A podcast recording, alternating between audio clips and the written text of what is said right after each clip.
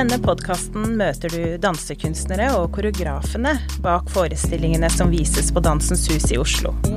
Her kan du høre om det som ligger bak forestillingene, kunstnerisk ambisjon, og om hva som foregår innenfor dansekunsten i samtiden. I åttende episode møter du Kristin Helgebostad, Laura Marie Rueslåtten og Sebastian Biong, som snakker om The Revenge of the Lawn.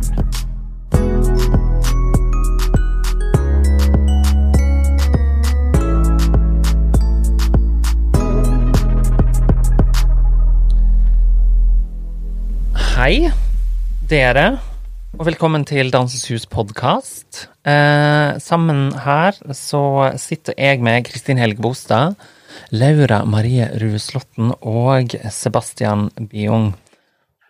Ça va? Ça va très bien. Ja. Dere kommer hit eh, om ikke så altfor lenge med ei forestilling som heter Revenge of the Lawn. Vi skal snakke ganske mye mer om den forestillinga litt seinere, men først Hvem er dere? Laura Marie, kan ikke du eh, fortelle litt om deg?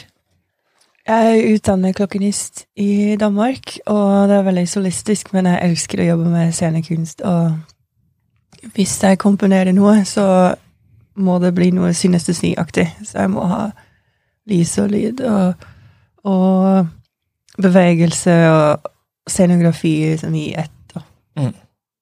Så du liker å jobbe sammen med folk? Fordi du er så mye aleine ellers i ditt arbeid, kanskje? Ja, eller jeg, jeg vil ha flere elementer inn i Mm. lager. Og så liker jeg å lage nye ting. Ja. Fint. Kristin. Ja. Ja, ja jeg er eh, Jeg er eh, danser og koreograf. Mhm. Scenekunstner. Mhm. Og eh, ja eh, Jobber ganske med ganske mange forskjellige folk. I mange ulike kontekster og mange ulike samarbeid. Også veldig glad i samarbeid, da. Mm. Jobbe kollektivt og sånn. Ja. Mm. Så Fint. Ja.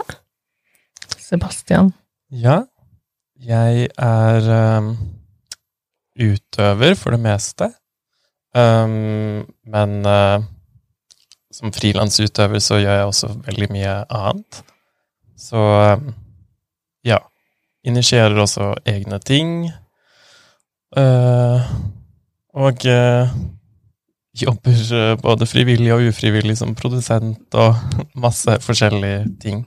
Men ja, jeg tror også mitt uh, arbeid er også ganske sånn samarbeidsorientert, Mm. egentlig. Mm. Og kollektivistisk orientert. Ja.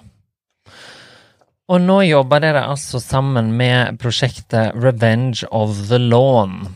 Kan ikke en av dere fortelle litt uh, om dette prosjektet? Altså, jeg er jo den som har vært kortest i prosjektet. Jeg har jo inntrykk av at det er et prosjekt som har startet for ganske lenge siden. Ja. Ja. Det har, egentlig det. Var det sånn 2018 eller noe? Ja. ja. Startet å begynne å tenke på det. Mm. Og altså, ja, det vokser jo litt sånn ut, egentlig, av Lara Marie og jeg Mm. har jo samarbeida siden 2008. Åtte. Ja. Mm. Så eh, det har jo liksom vokst seg fram en slags sånn På en måte form for samtale, eller sånn felles interesse Altså for felles interesseområder, kanskje, Mm. i, når vi har samarbeida. Og så jeg tenker liksom Revenge of the Lawn nå er jo, Det skal sies at nå er vi jo på et ganske sånn tidlig tidspunkt i, i prosessen. Mm. Da- Nå er det jo liksom gått to uker Ja. med prøver, men, men kanskje for meg så kanskje det er en slags sånn eh, På en måte Akkurat nå, i hvert fall. En slags sånn eh, fysisk eh, og sensorisk meditasjon over eh, ting som går i ball, på et eller annet vis. Mm. Så det er mye bal, eller og mye Ja, bal. Er det noen som har lyst til å prate noe mer om det, eller forklare mer om hva det vil si? Altså, jeg er Struggling, på en måte. Ja, altså, jeg er fascinert av så mye unødvendig som menneskeheten finner på, Mhm. som lager krøll for alle andre. Mm. Um, og fascinert av hvor komplisert folk kan gjøre liksom, helt enkle ting. Og hvor unødvendig det er å gå rundt grøten på alt og, og være så indirekte og, og lage sånne kronglete prosedyrer på ting som egentlig kunne vært mye enklere. Så der er det mye frustrasjon Mm. i livet, egentlig. Mm. Og så er det noe med å lage det til en, eh, en slags parodi eller koreografi, da. At, at den det fenomenet forplanter seg i motorikken. Mm. Til, og det er sånn det vises, da. Motorisk. Mm. Og så det der med symboler, og alt skal tolkes, og alt skal bety noe, og alt skal bety noe mer enn det du ser på overflaten. Altså, jeg syns det er sinnssykt slitsomt. Altså, at folk det, det, er, det er blitt for mye av det. Det blir altfor mye. Så det, det er det materialet jeg jobber veldig i, da. Mm. Så det er en slags sånn Uten at jeg nødvendigvis skal prøve å definere det her, men det er bare sånn for å komme litt mer inn i det dere arbeider med akkurat nå. Det er en slags sånn politisering av eh, Eller at kroppen blir det, men òg av at vi gjør det av oss sjøl, nettopp på grunn av om jeg skal si noe veldig bokstavelig byråkrati, Mm. måten Mm. samfunnet er Mm. bygd opp, Mhm. Ehm, det blir litt som Monty Python-aktig. Det er det jeg tenker med en gang, da. At alle disse her idiotiske tinga som bare Bloody fools! Som på en Ja. måte gjør ting uh, vanskelig. Mm. Ehm, hinder. Mm. Mm. Spennende. Kristin, Ja. Arbeidene dine de har gjerne et eh, litt sånn hyperfysisk uttrykk, om jeg kan kalle det det, som kanskje òg kan defineres som ekstremt, altså dansere som kaster seg mot gulvet osv. Eh, kan ikke du fortelle litt om hva potensialet som ligger i denne her ekstreme kroppen, eller kroppsliggjøringa? Åssen det er å jobbe med den? Sånn som her i, i Revenge of the Loan, Mm. så er det jo noe med å jobbe med at ting går i ball, at ting blir kronglete, at ting eh, Altså egentlig helt sånn konkret fysisk. At ting liksom trøbler seg til. Mm. Eh, ja, det ligger et eller annet sånn Sånn som i det prosjektet her, så tenker jeg sånn Det er jo no, det er noe gøy med å se på eh, Se på hvordan det går an å krysskoble ulike måter å, å på en måte se et sånt materiale på, da. Mm. Fordi at kanskje vanligvis, eller jeg vet ikke, vanligvis kanskje man tenker at hvis man ramler, holdt jeg på å si, eller holder på med noe veldig kronglete, eller noe som bare repeterer seg i all evighet, eller som bare aldri tar slutt, eller som er liksom ekstremt på et eller annet vis, Mm. noe som plutselig tar bolig igjen, noe som liksom ah, blir super eh, holdt jeg på å si, blomstrete og altfor lenge, på en måte Mm. eh, kan, kan det kanskje kan kanskje være forbundet med en viss form for liksom stress eller ubehag eller noe sånt. Men det kan være gøy å se hvordan, hvordan det er mulig å liksom behandle sånt materiale og blande inn andre sanseinntrykk sammen med liksom en sånn Det å stå midt oppi en, en sånn lang rekke av et fullstendig sånn kronglete tilstand, da, på et eller vis. Og hvordan, hvordan det er mulig å liksom gå inn der og se på det på en sensorisk på, sensorisk, på, på flere måter. Mm. Kanskje er liksom interessen for det litt sånn ekstrem akkurat i dette prosjektet. Mm. Men tidligere så har det jo vært en sånn For eksempel med i det forrige forestillinga som Laura Marie og jeg gjorde, som var her på Dansens Hus, altså Cheers. Mm. Der var det jo en sånn slags På en eller annen måte. Der tok vi jo for oss blant annet da cheerleading, som er, ellers er jo veldig sånn kjempespektakulært, og egentlig en ganske farlig idrett. Det er Mm. ganske mange ulykker. Og det er jo egentlig helt sånn sjukt teamarbeid der. Ja, og veldig rigid, egentlig. Skikkelig rigid. Mm. Og helt sånn der, du må samarbeide om de pyramidene, for hvis du ramler ned, så går det gærent, på en måte. Mm. Eh, så da, ja. Så det er klart, det ligger jo en eller annen sånn Det ligger kanskje en eller annen interesse for det, men kanskje prøve å Sånn som der, så la vi jo noen av pyramidene ned, så de ble horisontale istedenfor vertikale, eksempel. Ja. Ja, kanskje det ligger en eller annen interesse i liksom en type materiale, og så prøve å på en måte bokstavelig talt snu det, eller vinkle det annerledes. Mm. Eller øh, holdt jeg på å si, som en inngang i arbeidet, for å på en måte kunne knytte ulike måter å oppleve, oppleve Altså ulike på en måte tilnærminger eh, til, til eh, forskjellige fysiske ekstremer, da. Mm. Jeg føler også vi har snakket om på en måte At eh, liksom visse sånne polare motsetninger på en måte kan inneha liksom like mye nyansering som Altså sånn Positiv eh, entusiasme kan være like nyansert som alvorstungt materiale. Altså kanskje i forhold til det ekstreme at sånn ekst, Altså prøve å behandle på en måte ekstreme ting like nyansert som noe på en måte nedtona og intimt, på en måte. Eller Mm. prøve å liksom finne sånn Ja, ikke liksom forskuttere hva ulike energier eller ulike uttrykk skal bety, men behandle dem liksom like nyansert som hva som helst annet. Det føler jeg vi også snakket en del om. Mm. Ja. Ja, kanskje det handler om lag, men at man prøver å liksom inneha alle lag samtidig, på en måte. Mm. Ja. Ja. Og i det her tilfellet som i Venture the Lawn, så er det jo litt med en sånn eh, Holdt jeg på å si lag for lag for lag. Det er, altså, det er gøy å jobbe med masse, masse, masse, masse forskjellige typer lag. Mm. Hva nå en lag betyr. Lag betyr jo liksom i ulike Altså i bevegelse og i lyd og i Mm. rom og sånn, og så er det liksom innenfor det igjen ha ulike Ja. Og hvordan de forskjellige, hvordan de forskjellige tingene møtes. Mm. De har altså ulike lag, da. Ja.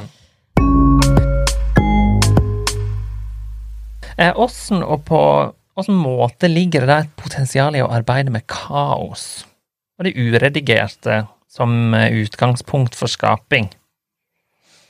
Noe som da ikke er så formalistisk, på en måte. Jeg føler det er sånn bedre og bedre dag for dag. Ja. Bedre og bedre lag for lag. Har liksom vært At det er noe Jeg syns i hvert fall det er veldig gøy i det der å på en måte Man kan godt ha et ganske sånn klart utgangspunkt. Altså så nå er det jo sånn Revenge of the Lawn. Yes. Det skal jo sies også at Revenge of the Lawn, den tittelen, kommer fra en sånn novelle som er skrevet av Richard Broutigan. Mm -hmm. Eh, det skal sies, da. Ja. Eh, uten at det skal være en sånn Det, det er den novellen. Det er det, det er det ikke. Det er, mer- ikke en tolkning av den novellen. Det er ikke Det en er, fordi, det er fordi han har skrevet fra sånn artige, absurde perspektiver som man ikke ellers finner. Og han følger ikke den der oppskriften for å skrive noveller, sånn du skal ha en rød tråd og, og bla, bla, bla. Den følger ikke sånne oppskrift for sånn skal man skrive en historie. Og det er det som er så gøy, da. At det er masse absurde perspektiver. Mm. Ja. Og ikke, han skriver ikke lineært heller, og det er fint. Mm. Det er veldig fint. Og det, altså, alt som kan bidra til å kaste rundt på det, konk det liksom konkrete utgangspunktet man, man har, Mm. syns jeg er gøy, rett og slett. Eller jeg føler det ligger en sånn interesse i det. Man kan godt ha et liksom supertydelig utgangspunkt. Ja, nå skal vi jobbe med liksom forviklinger, holdt jeg på å si, i, i men, men så kan man gjerne ønske liksom digresjoner og, og snakk og liksom eh, ting som kommer inn hjertelig velkommen, da. Eh, som kan liksom fòre seg inn. Det er kanskje mer i en sånn Sikkert fordi vi er i en sånn prosess nå, så snakker jeg om liksom det tanke på prosessen, men Mm. ja. Mm. Men jeg tenker også at sånn Jeg vet ikke, det, det har jo potensial for å tilby en eller annen åpenhet eh, for hva ting er, og hva ting kan bety. At uh, om ting er på en måte mindre liksom wrapped, på en måte, av de som har laget det, så, så kan det liksom Uh, tilby en eller annen sånn åpenhet for hva det Hva slags Eller i kaos, så plutselig, hvis man sitter og ser på kaos, så klaffer det jo også, plutselig. Mm. Um, Mm. og det er liksom Å ha tro på at det sånn vil skje. Mm. Uh, det pluss kaos kan, kan gi, gi en litt sånn åpenhet for det. det er nødvendig for å skape. Og jeg ser at mange virker veldig redde for kaos. Eller folk vil så gjerne ha form, er veldig opptatt av form. Mm. Og sykt opptatt av hvordan den formen skal være, hvordan den formen skal bli oppfattet. Og jeg, jeg syns det virker sånn obsessiv. Altså, jeg skulle ønske folk ga meg slipp på det, fordi kaos er en nødvendig del av livssyklusen og, og skaperprosessen. Og, og der oppdager man så mange flere muligheter enn hvis alt er sånn fastgrodd i en form. Og, og kaos er veldig befriende for uh, å løse opp i hva folk oppfatter som kanskje sannheter, men egentlig er veldig subjektivt. Mm. Mm. Og ja. Og så tenker jeg på en sånn Ser liksom for meg en sånn spydspiss. Altså hvis, jeg, hvis man skulle hatt jobbet i et prosjekt og på en måte hatt en slags sånn mål der borte. Eh, dette er det det skal bli. Og så jobber man liksom etter en sånn spydspiss med en slags sånn Og pålegger seg selv en slags form for sånn tunnelsyn og velger bort veldig mye ting og sier liksom mye nei for å eliminere så mye kaos som mulig for å kunne, på en måte kunne ha en slags ryddig prosess. Mens heller det å liksom på vei Når man tusler på vei på en måte mot i prosessen, dag for dag og lag for lag mot premiera, så tar man og sanker inn. Ser opp og ned til høyre og venstre. Blir stående litt her. Snur den steinen, legger den Ja, kanskje den er med. Husker med, med seg noe der. Altså den, den mer, litt mer sånn eh, Som kanskje eh, i motsetning til spydspissen, kanskje er mer kaotisk, men jeg tenker òg at den omfavner ganske mye, da. Mm. Det er veldig viktig å ha den usensurerte fasen, fordi noe jeg ser folk gjør ofte, er sånn sensurere ting for tidlig. De ser en idé som de ikke liker, og sånn Nei, det kommer ikke ut å gjøre, eller det passer ikke inn her. Ja, men hvordan vet du det nå, da? Altså, kanskje vent med å, å trekke konklusjoner. Og så er det også en sånn å kanskje heller på en måte eh, eh, fortsette på det som man av en eller annen grunn Ofte er er det ganske sånn intuitivt. Syns jeg er spennende. Mm. Og så vil kanskje mange ting naturlig bare flakk, liksom Mhm. falle bort Gjør det. Mm. eh, av seg selv. Det skjer Mm. helt naturlig. Mm. Og så, hold, så ha, fortsetter man å liksom jobbe med Jobbe med det man til enhver tid syns er spennende, da. Mm. Ja. romantisere kaos veldig, men Dere sier jo òg at dere samtidig jobber med en minimalisme oppi det hele. ja. Kan ikke dere fortelle litt om det? Fra kaos til minimalisme. Jo, fordi alt som kommer ut til meg med komposisjon, er av en eller annen grunn veldig minimalistisk, og jeg vet ikke hvorfor, og jeg vet ikke hvor det kommer fra, eller jeg, har ikke bestemt det. Det er ikke noe image jeg har bestemt. Og jeg bare Jeg skjønner ikke selv, fordi jeg er egentlig veldig sånn idémenneske og elsker farger og sånn. Men i denne forestillingen så undrer jeg meg over at minimalisme er noe som blir tatt så sinnssykt alvorlig. Det er veldig selvhøytidelig og, og alvorlig og seriøst, og det er null humor. Og det er enkelte kunstneriske miljøer som er liksom bare selvhøytidelige, og, og det er ikke noe sånn humor. Altså, jeg er veldig eksistensiell bare fordi livet mitt ble sånn. Og midt oppi det der så er jeg veldig galgen humor, da. Så hvor er humoren i de der kunstneriske miljøer som tar alt så fryktelig høytidelig og har så lyst til å bli oppfattet som eksistensielle eller seriøse? Sånn, ja, men de eier jo ikke humor, de kan ikke gjøre narr av seg selv. Og den minimalismen er sånn Hvorfor er den estetikken så lite brukt i revy, da? Hvorfor er den så lite brukt i humoristisk sammenheng, og kan man få til å lage humor med minimalisme, liksom. Altså Det er noe jeg prøver å se om det går an, Mm. egentlig. Også den kontrasten, da. Fordi noen ganger er kontraster veldig artig å jobbe med. At det er noe som virker veldig sånn rent og zen, og så noe annet som er bare fullt kaos og overkomplisert og overorganisert og kronglete, og det er et eller annet der som kan være litt morsomt òg, da. Samme eksistensen. For eksempel liksom masse Altså det kan være ganske mye av, mye av det samme, på et eller annet vis. Mm. Masse repetisjon av liksom Mm. samme sted man befinner seg, eller samme ting man gjør, eller som er liksom i familie med hverandre, men som bare skjer om og om og om og om igjen, eller sånn. Altså, og også litt sånn plen, eller sånn. alle de plenene som er Ja, bildene alle de plenene, eller sånn. Det er noe veldig deilig minimalistisk med en plen, fordi det betyr ingenting. Det prøver ikke å symbolisere noe annet, eller du skal ikke intellektualisere det, eller liksom tolke det, eller sånn. Det er bare en plan, og det er hyggelig å ha et fint sånn gressplen og en hage. Det er, altså, det er befriende. Ja, det, det betyr ikke noe mer. Og det behøver ikke være en greie, eller altså Det bare er der. Og det er noe man finner overalt. Og så er det jo en hel bransje der ute som driver med plen, sånn hagespesialister. Jeg har bodd i England, og der var det Det betydde plen veldig mye. Ja. Sånn, folk fikk awards i nabolag og sånn etter uh, hvem som hadde den beste og mest velholdte plenen og sånn. Ja. Ja. Så det òg kan jo bli veldig seriøst og veldig pompøst, på en måte. Nettopp. Det er det. Er mye humor i det, iallfall, og vi skal snakke litt mer om det etterpå. Men nå går vi inn i denne her lynrunden som jeg så vidt har meldt om. Og da er det sånn at én og én svarer så godt dere kan på eh, spørsmål.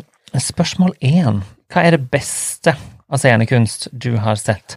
Å, jeg vet ikke. Jeg har sett mye bra. Å, herregud! Det bare dukker opp en sånn Nei, nei, må jeg svare. Men det dukker opp en sånn derre cluster av forskjellige, av forskjellige forestillinger. Det beste jeg har sett av scenekunst? Det er et forferdelig spørsmål å få, Ja. og alle Ja. blir satt ut. Ja. Herregud. Ruud-revyen som Sebastian satte opp. Også meg. Eh, eh, Rossums eh, universelle roboter, Rur, av, eh, som Angelina hadde regi på, på Torshov-teatret i sånn 2017 eller noe sånt, var veldig bra. For her er det ofte sånn at eh, eh, ting er bra i forskjellige states of life, holdt på å si, en Ja. states of mind, så det er jo aldri én. Nei. Nei. Um, hvem, hvem skulle ha spilt deg i filmen om livet ditt? Hege Skøyen. Hadde vært en drøm. Herregud. Nei, hvem skulle det ha vært? Reece Witherspoon. Nei, nei. Du ligner så sykt på Nei, men Nei, det skal, Nei. uh, nei, kanskje Anne Inger Landstein? Nei, Mm. kanskje. Mhm. Jeg har ikke sett det selv, men jeg har hørt at sånn Han ene som spiller i Tørk aldri tårer uten hansker Jeg vet ikke hvem det er, men jeg har hørt at sånn han kanskje ligner, eller Han burde ha fått den Magne jobben. Furuholmen i a-ha ligner du på. Ja, Magne Furuholmen. Mm. Ja, Ja. Magne Furuholmen. Greit. Hva gjør deg forbanna, Laura Marie? Saksbehandling. Løgn. Manipulasjon. Hva inspirerer deg? Kaos, faktisk. Kaos, er Forvirring. God energi. Nei, det må vel kanskje bli kaos, da.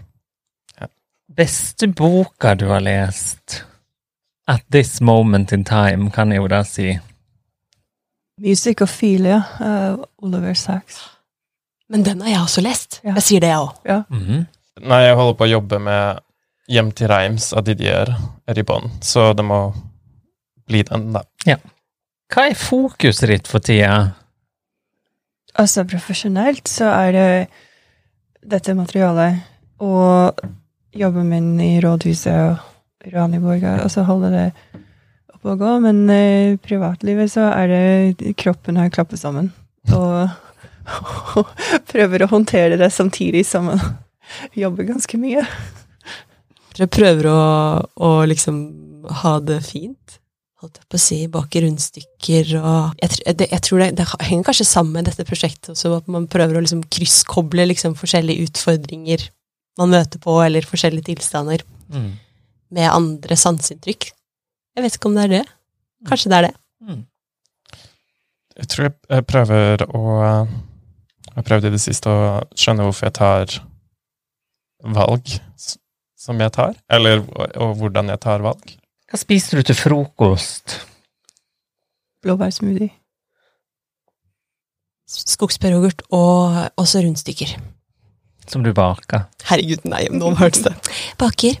Baker selv. Nei, men da Det blir jo deilig, det, da. Brød uh, med ost, som, og jeg baker brød. Hva trener du mest på? Det er ikke sånn fysisk trening nødvendigvis. Nå kan vi tolke trening.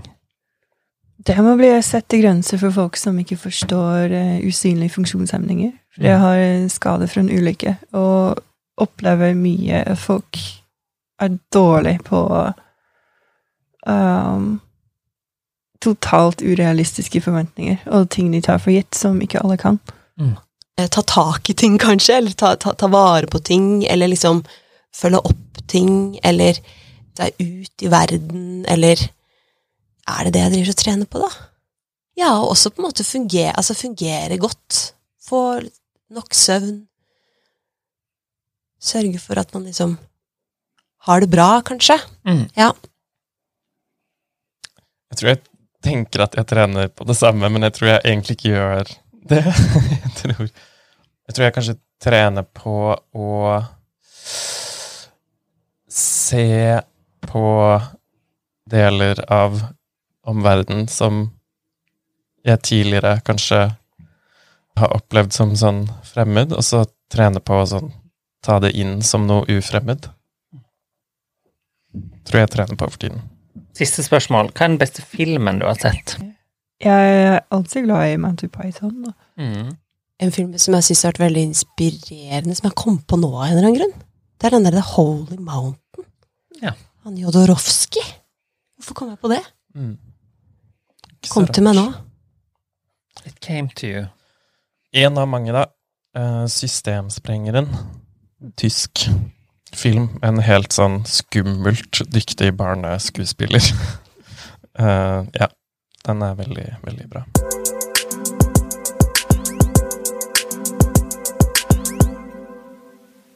Jeg har lest prosjektbeskrivelse. Er det greit at jeg leser en setning av den? Mm.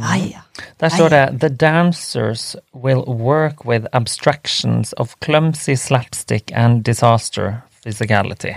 Dere nevner òg eksempel skolerevy eh, i dette arbeidet.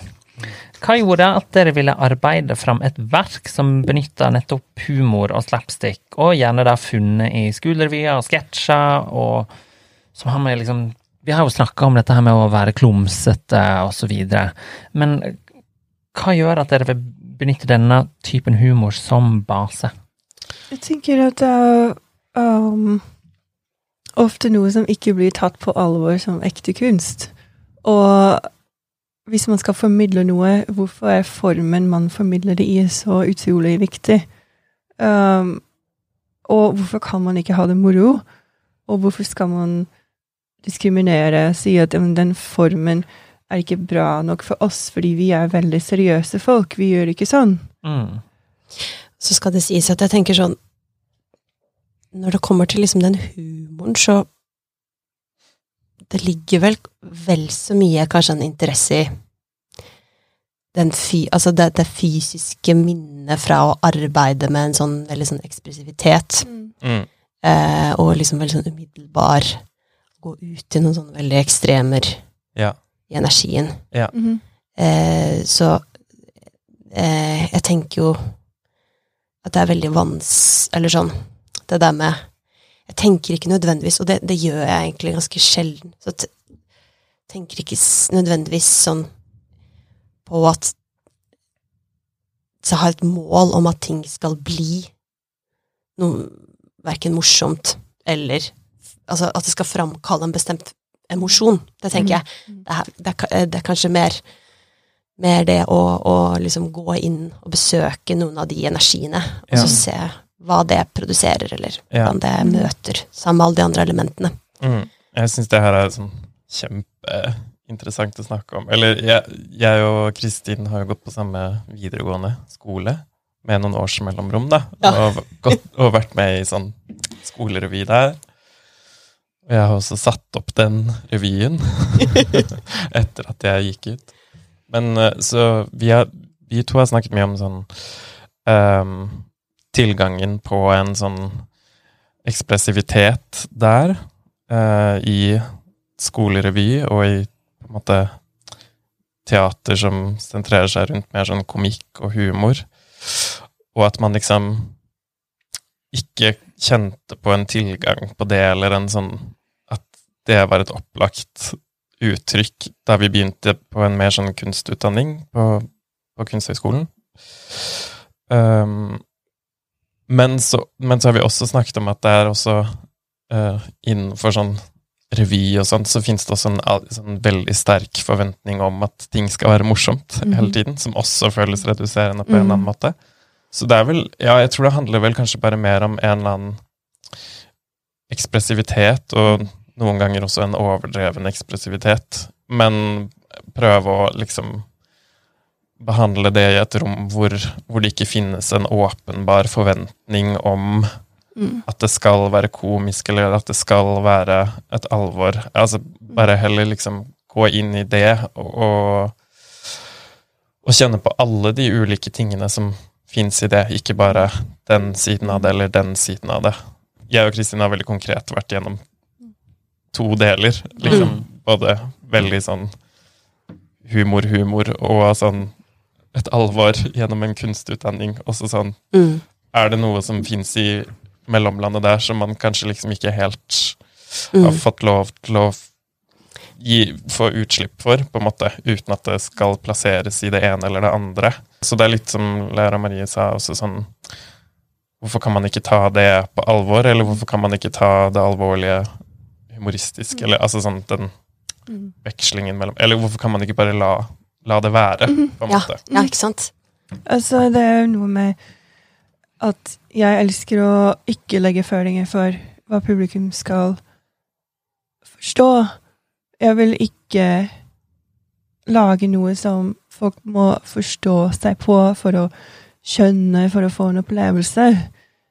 Eh, Det blir veldig banalt for meg, da. eh, Fordi da blir det bare sånn Ja, men de må oppfatte det sånn, og det må være det og det resultatet, og da må publikum skjønne de og de referansene. Det, for meg er det fryktelig kjedelig, og det dreper jo alt av kreativitet. Og hvorfor ikke la publikum få en opplevelse som er så åpen at de er frie til å oppleve det de selv opplever, uten å måtte ha førkunnskaper eller, eller en viss referanse jeg liker den friheten, da, at man ikke er opptatt av hva publikum skal oppleve.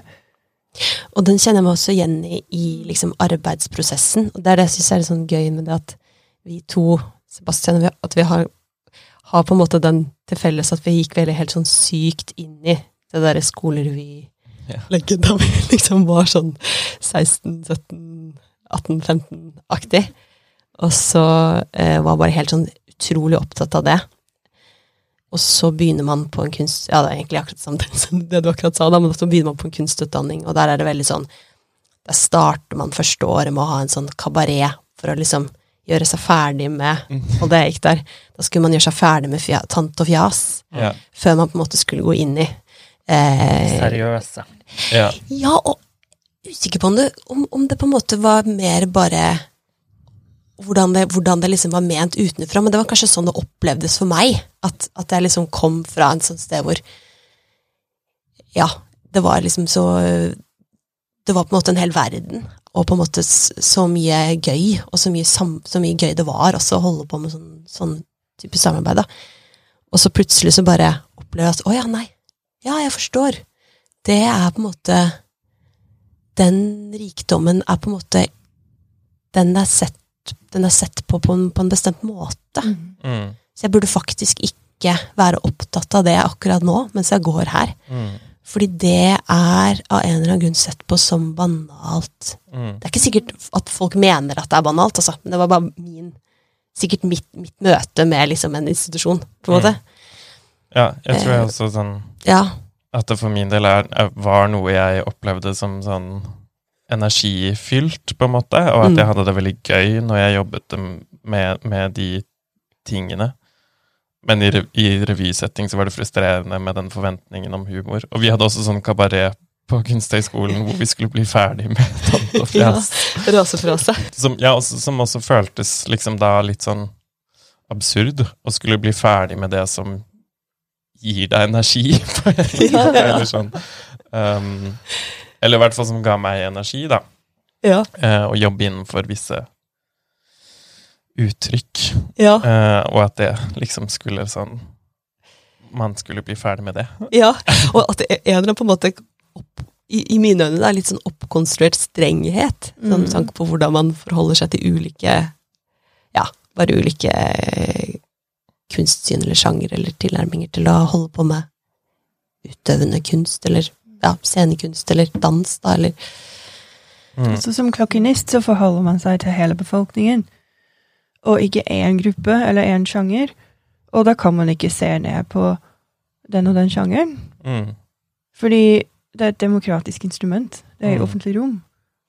Så jeg er veldig sånn obs på diskriminering på grunn av jobben min, og på grunn av at jeg vurderer musikk ut ifra musikalsk lydkvalitet på instrumentet, og ikke sjangeren. Og så jeg spiller hva som helst, så lenge det er på en måte fysisk mulig. Og jeg forstår ikke hvorfor folk hele tiden skal ha, ha noe de skal se ned på. Mm. Det er teit. Det er ikke vits i å bruke energi på å se ned på andre sine sjangere og Mm. andre sitt arbeid. Så lenge det er god kvalitet, så finner man god kvalitet og dårlig kvalitet i alle sjangere. Mm. Også de som tar seg selv mest seriøst. Det er mye dårlig der også. Så det, det, det hjelper ikke å ta seg selv utrolig seriøst. Hvordan jobber du inn i dette arbeidet med Revenge of the Lawn, da, Laura Marie? Jeg prøver å sette meg selv i publikum sin situasjon. Mm. og tenke hva er det jeg oppfatter sensorisk når jeg går inn i salen første gang? Hva er min sensoriske opplevelse? Hva, hva slags miljø sanser jeg at jeg er i? Altså, er jeg ute? Er jeg inne? Eh, Hva slags lyder er det rundt meg? Hva forteller det meg om hvor jeg er, og sånn? Og og jeg har lyst til å skape veldig rare perspektiver for publikum i forhold til at kanskje de ser noe som er på lang avstand, men de hører det som om det er veldig tett på. Og, og så ser de kanskje noe som virker veldig kronglete motorisk. Og så, og så hører de det som ASMR, men så hører de også andre lyder som gir en slags lydkuliss av liksom forskjellige dybder og forskjellige størrelser på rom. Mm. Sånn at sansene deres er veldig med. Og denne gangen så tenker jeg å leke med rytmer man finner i liksom andre lyder enn toner. Altså, men også ha et sånn tonelandskap som kanskje understreker at det, det er også en annen dimensjon her. Eller, altså, så jeg tenker rent sensorisk, da. Hva, hva ville jeg opplevd sensorisk hvis jeg satt der som publikum? Og opplever jeg sensorisk at jeg er i samme rom, at jeg er en del av det som foregår, eller opplever jeg sensorisk at jeg er utenfor det og observerer, Mm. og hvor man hører lyden fra. Det har mye å si. Så jeg har lyst til å leke med perspektiver på den måten. At det virker veldig ulogisk noen ganger. Da må jeg bare legge til at vi har jo med oss en samarbeidspartner til her også. Norunn Standal på, på scenografi og, Ja. og ja, rom og det visuelle, på en måte. Lys. Dere har jo òg et uh, veldig ytre rom som en del av dette prosjektet her, og det er Instagram. uh, der er det en slags portrettkonto, om jeg kan kalle det for det, som ble til i 2019. Om jeg Ja. det er helt feil. Der er det mye både plenhumor og plenportrett. Kan ikke dere fortelle litt om den? Jo, det jo. Det eneste det handler om, er plen. Og så hver gang jeg finner noe som handler om gressplen, eller sånn, noen som selger en gressklipper og sånn, så bare legger jeg ut der. For det er et eller annet som er veldig deilig med å bare fokusere på én ting. Vi har så mange distraksjoner, og alt er så overkomplisert, og, og Altså, det er et eller annet som er litt gøy med en sånn ståfokus på én ting Ja. hele tiden. Ja. Jeg føler du også snakket om det, snakket om det og sånn og så gå inn i et medium som Instagram, Ja. hvor det er så sykt mange ulike feeds av greier. Altså sånn, For man kan jo ha sånn stålkontroll på liksom andre plan i livet, men jeg syns det er litt gøy at du har sånn gått inn i det mediumet som oppleves kjempekaotisk, og sånn tilby et rom for brukerne av det mediumet. At sånn Her kan du faktisk gå inn på en konto og bare se plen, hvis Ja. du vil, og hvis du trenger et sånn ja, hvis man har Instagram som et lite sånn mikrounivers, da, eh, og tilby et, en sånn verden inni det også, på en måte, hvor du kan bare se på plen. Ja, og så er det noe med at alle skal ta bilder av monumenter og de kule tingene og sånn, men jeg tar bilde av plenen ved siden av. Ja. Og så, jeg var i Sør-Afrika og, og besøkte Nelson Mandela sitt hus, da. Så har jeg plenen derfra, men ikke huset.